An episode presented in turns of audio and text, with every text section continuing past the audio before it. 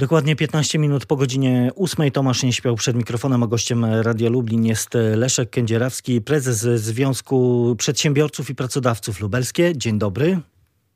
Dzień dobry, witam pana redaktora, wszystkich państwa, słuchaczy Radia Lublin. Wszystko wskazuje na to, że dzisiaj mogą zapaść e, decyzje dotyczące tego, czy obostrzenia związane z funkcjonowaniem gospodarki w czasie pandemii, e, które, no przypomnijmy, e, obowiązują do końca stycznia, będą przedłużone, czy w jakiś sposób zmodyfikowane. Czego pan, czego przedsiębiorcy się spodziewają?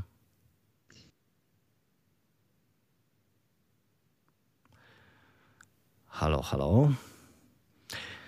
No i niestety y, mamy jakieś y, problemy y, z połączeniem internetowym. Mam nadzieję, że się uda te mm, e, problemy szybko. Przedsiębiorcy z pierwszego już jak najszybciej. Przepraszam, przepraszam panie prezesie na momencik, bo mieliśmy jakieś problemy techniczne, ale już chyba wszystko wróciło e, do normy, więc jeszcze raz e, rozpocznijmy od tego, no właśnie czego się należy spodziewać po tej dzisiejszej ewentualnej decyzji.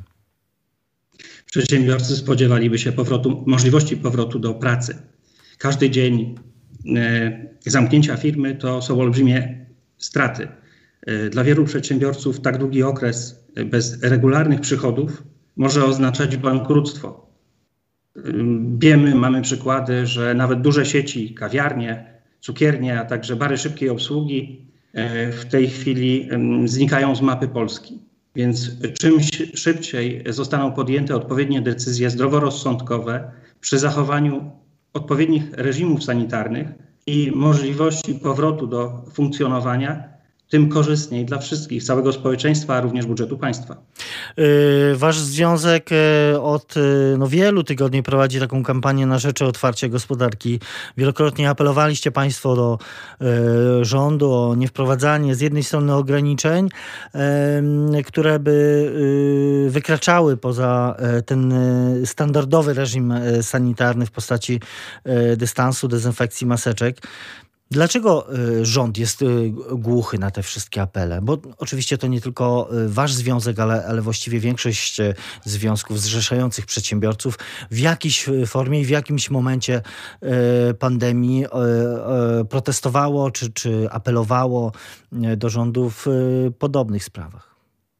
Trudno jest mi ocenić decyzyjność rządu, dlaczego jest głuchy na te apele moim zdaniem e, powinien posłuchać głosu rozsądku i jak najszybciej umożliwić powrót do funkcjonowania przedsiębiorstw.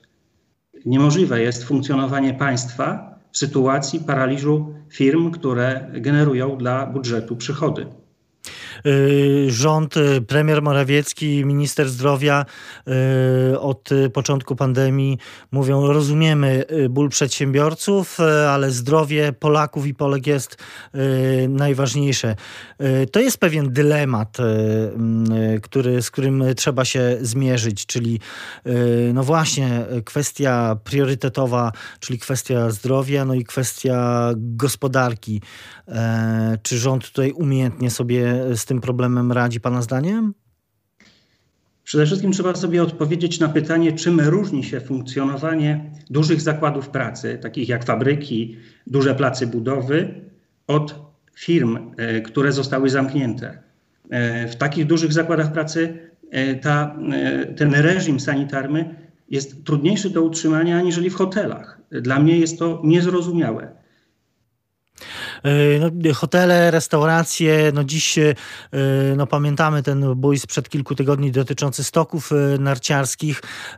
To są te, można powiedzieć, newralgiczne branże, które bezpośrednio cierpią, no i kończy im się też cierpliwość wielu, już się skończyła i postanowili otworzyć swoje firmy, otworzyć swoje biznesy, mimo pewnego zagrożenia postępowaniami administracyjnymi, mimo zagrożenia mandatami, karami. Mm, jak pan e, patrzy na, na tą, e, tą sytuację, no, na pewną, e, pewną taką bezradność z jednej strony przedsiębiorców, no a z drugiej strony postawienie przed, pod ścianą, bo oni muszą z czegoś żyć, jak tłumaczą. Tak, dokładnie. Ja nawet nie określam tego buntem, jak jest to w opinii publicznej. Ja to określam jako walka o byt, o przetrwanie. Oni muszą prowadzić swoje interesy, aby móc zarabiać pieniądze na życie. Jeżeli nie będą tego robić, to praktycznie przyjdzie im żebrać, a rząd nie ma pieniędzy, bo skąd je weźmie, jeżeli nie z podatków, jeżeli oni nie powrócą do biznesu, do zarabiania tych pieniędzy. Rząd, rząd mówi e, i pokazuje kolejne odsłony, odsłony tarcz e, branżowych, finansowych, e, kolejnych form pomocy dla przedsiębiorców. Przedsiębiorcy mówią, to kropla w morzu potrzeb, bo przetrwamy my jako, jako osoby, ale nasze, nasze firmy, nasze kredyty, co, co z tymi elementami naszej naszej działalności. Tak, y, proponowana pomoc y, oczywiście trzeba mieć na uwadze, że ona pochodzi dalej z pieniędzy podatników. Y, jest niewystarczająca na pokrycie stałych kosztów. Zwróćmy uwagę, że średnia jakaś restauracja samego czynszu za lokal to płaci kilkanaście tysięcy złotych. Zwróćmy uwagę, że zatrudnia pracowników, na których na pewno jej, tej firmie zależy i ich utrzymuje po to, aby gdy rząd zwolni możliwość prowadzenia biznesu, e, mogli dalej współpracować, bo to są e, bardzo często pracownicy z wieloletnim doświadczeniem i warto o nich walczyć.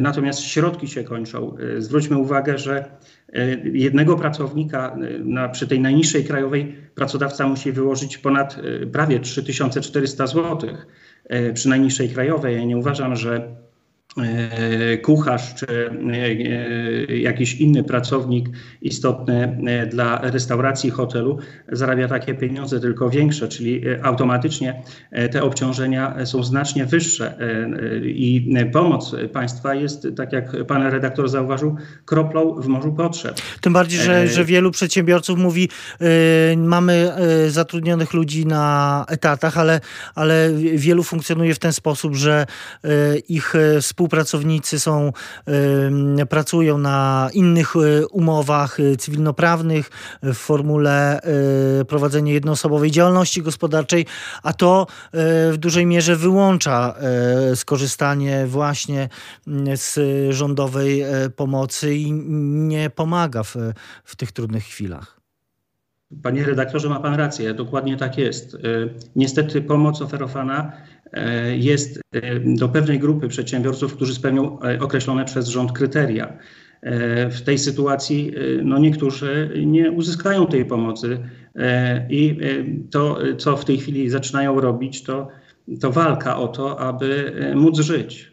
To nic innego, to jest tylko o przetrwanie, walka o przetrwanie. Dzisiaj być może, y, tak jak powiedziałem na początku, poznamy jakieś y, mm, zmiany, jeśli chodzi o funkcjonowanie y, polskiej gospodarki. Według tych pojawiających się od kilku dni informacji, rząd rozważa otwarcie galerii handlowych od nowego miesiąca ale właściwie na odejście od reszty obostrzeń na razie, przynajmniej jak donoszą media, nie ma większych szans. Czy to jest, należy to oceniać, jeśli to się potwierdzi jako dobry pierwszy krok, czy jednak zbytnią ostrożność? Zbytnią ostrożność. Na pewno jest to dobry krok, e, ale wydaje mi się, że e, rząd powinien e, pójść dalej, posłuchać głosu rozsądku. My musimy zdać sobie z tego sprawę, że czym szybciej wrócimy do normalności, tym ten cały mechanizm naczyń połączonych będzie lepiej funkcjonował, czyli również państwo. E, nie możemy sobie pozwolić na e, całkowite blokowanie e, prowadzenia działalności i jego ograniczanie. Nie stać nas na to przede wszystkim, nas Polaków na to nie stać. My musimy zdać sobie z tego sprawę, że jesteśmy w stanie pokryć koszty reżimu sanitarnego i tutaj w tym kierunku bym poczyniał jakieś działania, a nie całkowitego blokowania e, możliwości funkcjonowania przedsiębiorstw. Leszek Kędzierawski, prezes e, Związku Przedsiębiorców i Pracodawców Lubelskiej jest gościem e, Radia Lublin.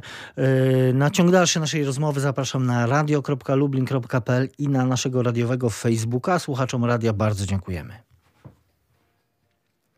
Dziękuję bardzo.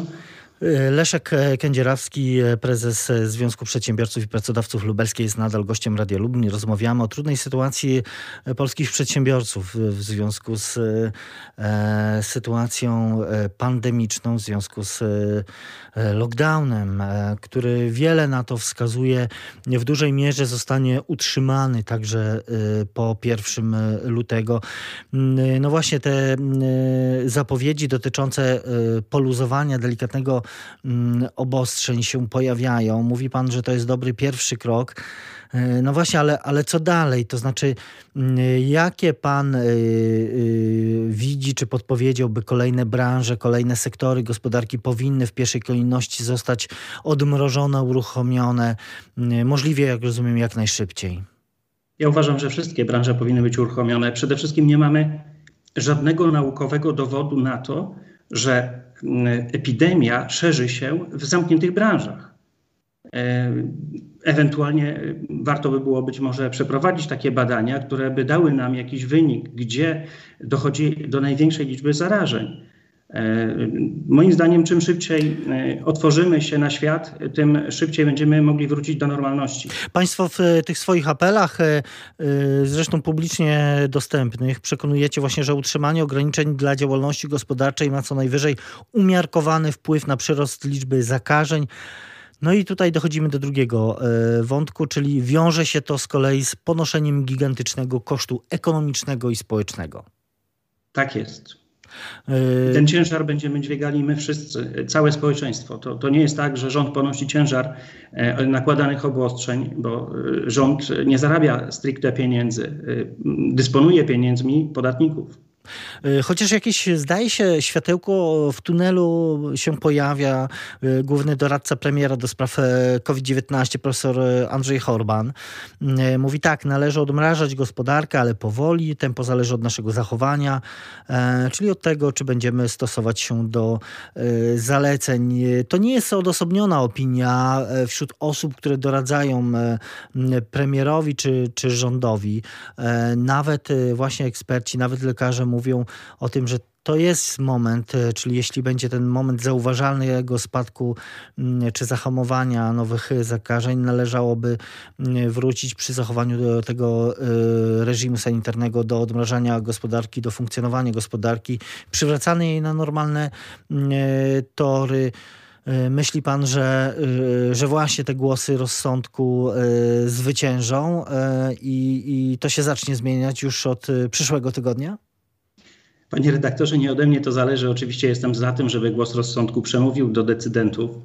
E, ja tutaj również pragnę podziękować rzecznikowi e, małych i średnich przedsiębiorców, e, panu Adam Abramowicz. Adamowi, Abram, tak, Abramowiczowi. On tutaj występował również do rządu, do premiera aby powołał e, odpowiednią instytucję, odpowiednie ciało, które by dokonywało, byłoby takim ciałem doradczym e, dla podejmowanych decyzji, składające się z wielu e, ekspertów, a nie tylko tak jak to funkcjonuje w tej chwili na zasadzie jakichś opinii naukowych, które nie mają odzwierciedlenia w, naprawdę w badaniach.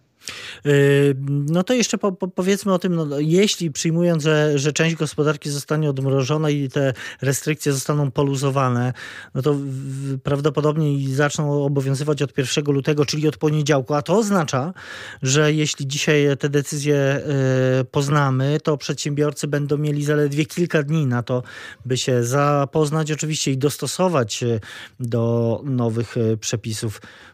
Pytanie brzmi, czy będą gotowi, czy, czy już są gotowi, czy jak to wygląda? Panie redaktorze, e, zważywszy na postęp zmian prawnych w naszym systemie, e, to przedsiębiorcy chyba się już do tego e, mechanizmu przyzwyczaili, że przepisy zmieniają się z dnia na dzień. Ja jestem osobiście przeciwnikiem tego typu zmian, bo do wszystkiego trzeba dojrzeć, zrozumieć i nauczyć się, aby można było zgodnie z przepisami prawa funkcjonować. To jest utrudnione od wielu, wielu lat w systemie prawa e, polskiego. E, więc jeżeli zostanie to wprowadzone z dnia na dzień, no to będziemy musieli z dnia na dzień znowu się dostosowywać.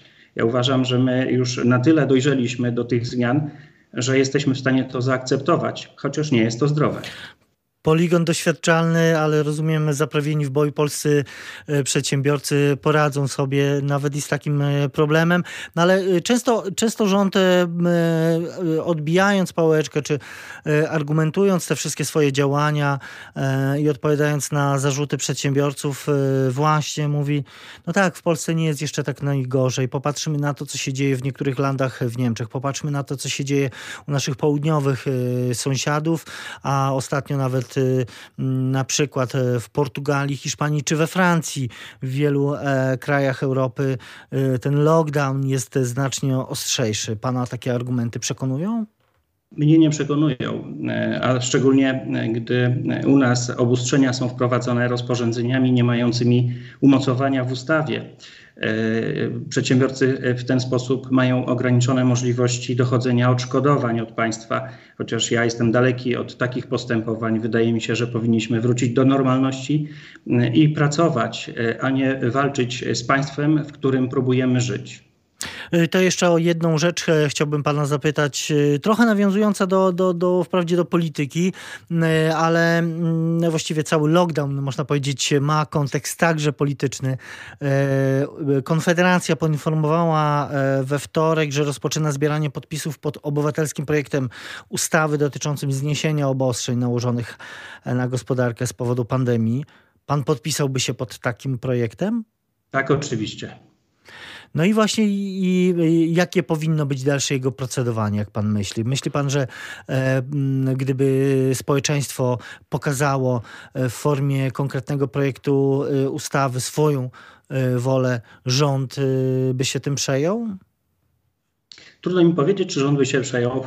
Często rząd może być nieugięty, e, ale liczę na to, że e, zachowa zdrowy rozsądek i e, zwróci uwagę na to, co społeczeństwo mówi do niego, do swoich wyborców tak naprawdę, aby mogli, abyśmy razem mogli dalej funkcjonować. E, myśli pan, że te właśnie naciski e, są szansą na jedyną metodą na to, żeby e, rząd w jakiś sposób zmienił swoje stanowisko, czy jednak jesteśmy tutaj bezradni i tylko poprawiające się wskaźniki, te medyczne, związane z liczbą zachorowań i potwierdzonych przypadków zakażenia koronawirusem mogą coś zmienić? Ja myślę, że każde działanie jest niezbędne do tego, aby można było zmienić e, to, co się w tej chwili dzieje, e, otworzyć się e, na ludzi i pozwolić im pracować. Zamykanie ich w domach niczemu nie służy. Nie służy również państwu. I tylko kwestia czasu, kiedy dotrze ta informacja świadoma do osób decydujących w tym kraju.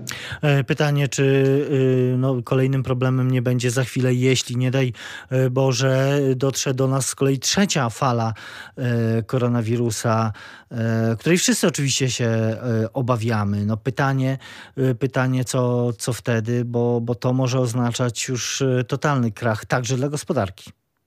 Panie redaktorze, trudno jest mi się odnosić do kolejnej fali koronawirusa. W każdym razie mam tego świadomość, że większość społeczeństwa, nawet jeżeli się nie przyznała, to już ma tą chorobę za sobą, czyli wytworzyła we własnym organizmie przeciwciała i, i mam nadzieję, że nas następnym razem nie dopadnie. E, dlatego e, niespecjalnie za bardzo się przejmuję tym, co się dzieje gdzieś w innym kraju. My e, dbajmy o swój kraj, starajmy się, aby on mógł normalnie funkcjonować. I mówił to Leszek Kędzierawski, prezes Związku Przedsiębiorców i Pracodawców Lubelskie, który był gościem Radia Lublin. Panie prezesie, bardzo dziękuję za rozmowę. Dziękuję panie redaktorze i dziękuję państwu. Do widzenia.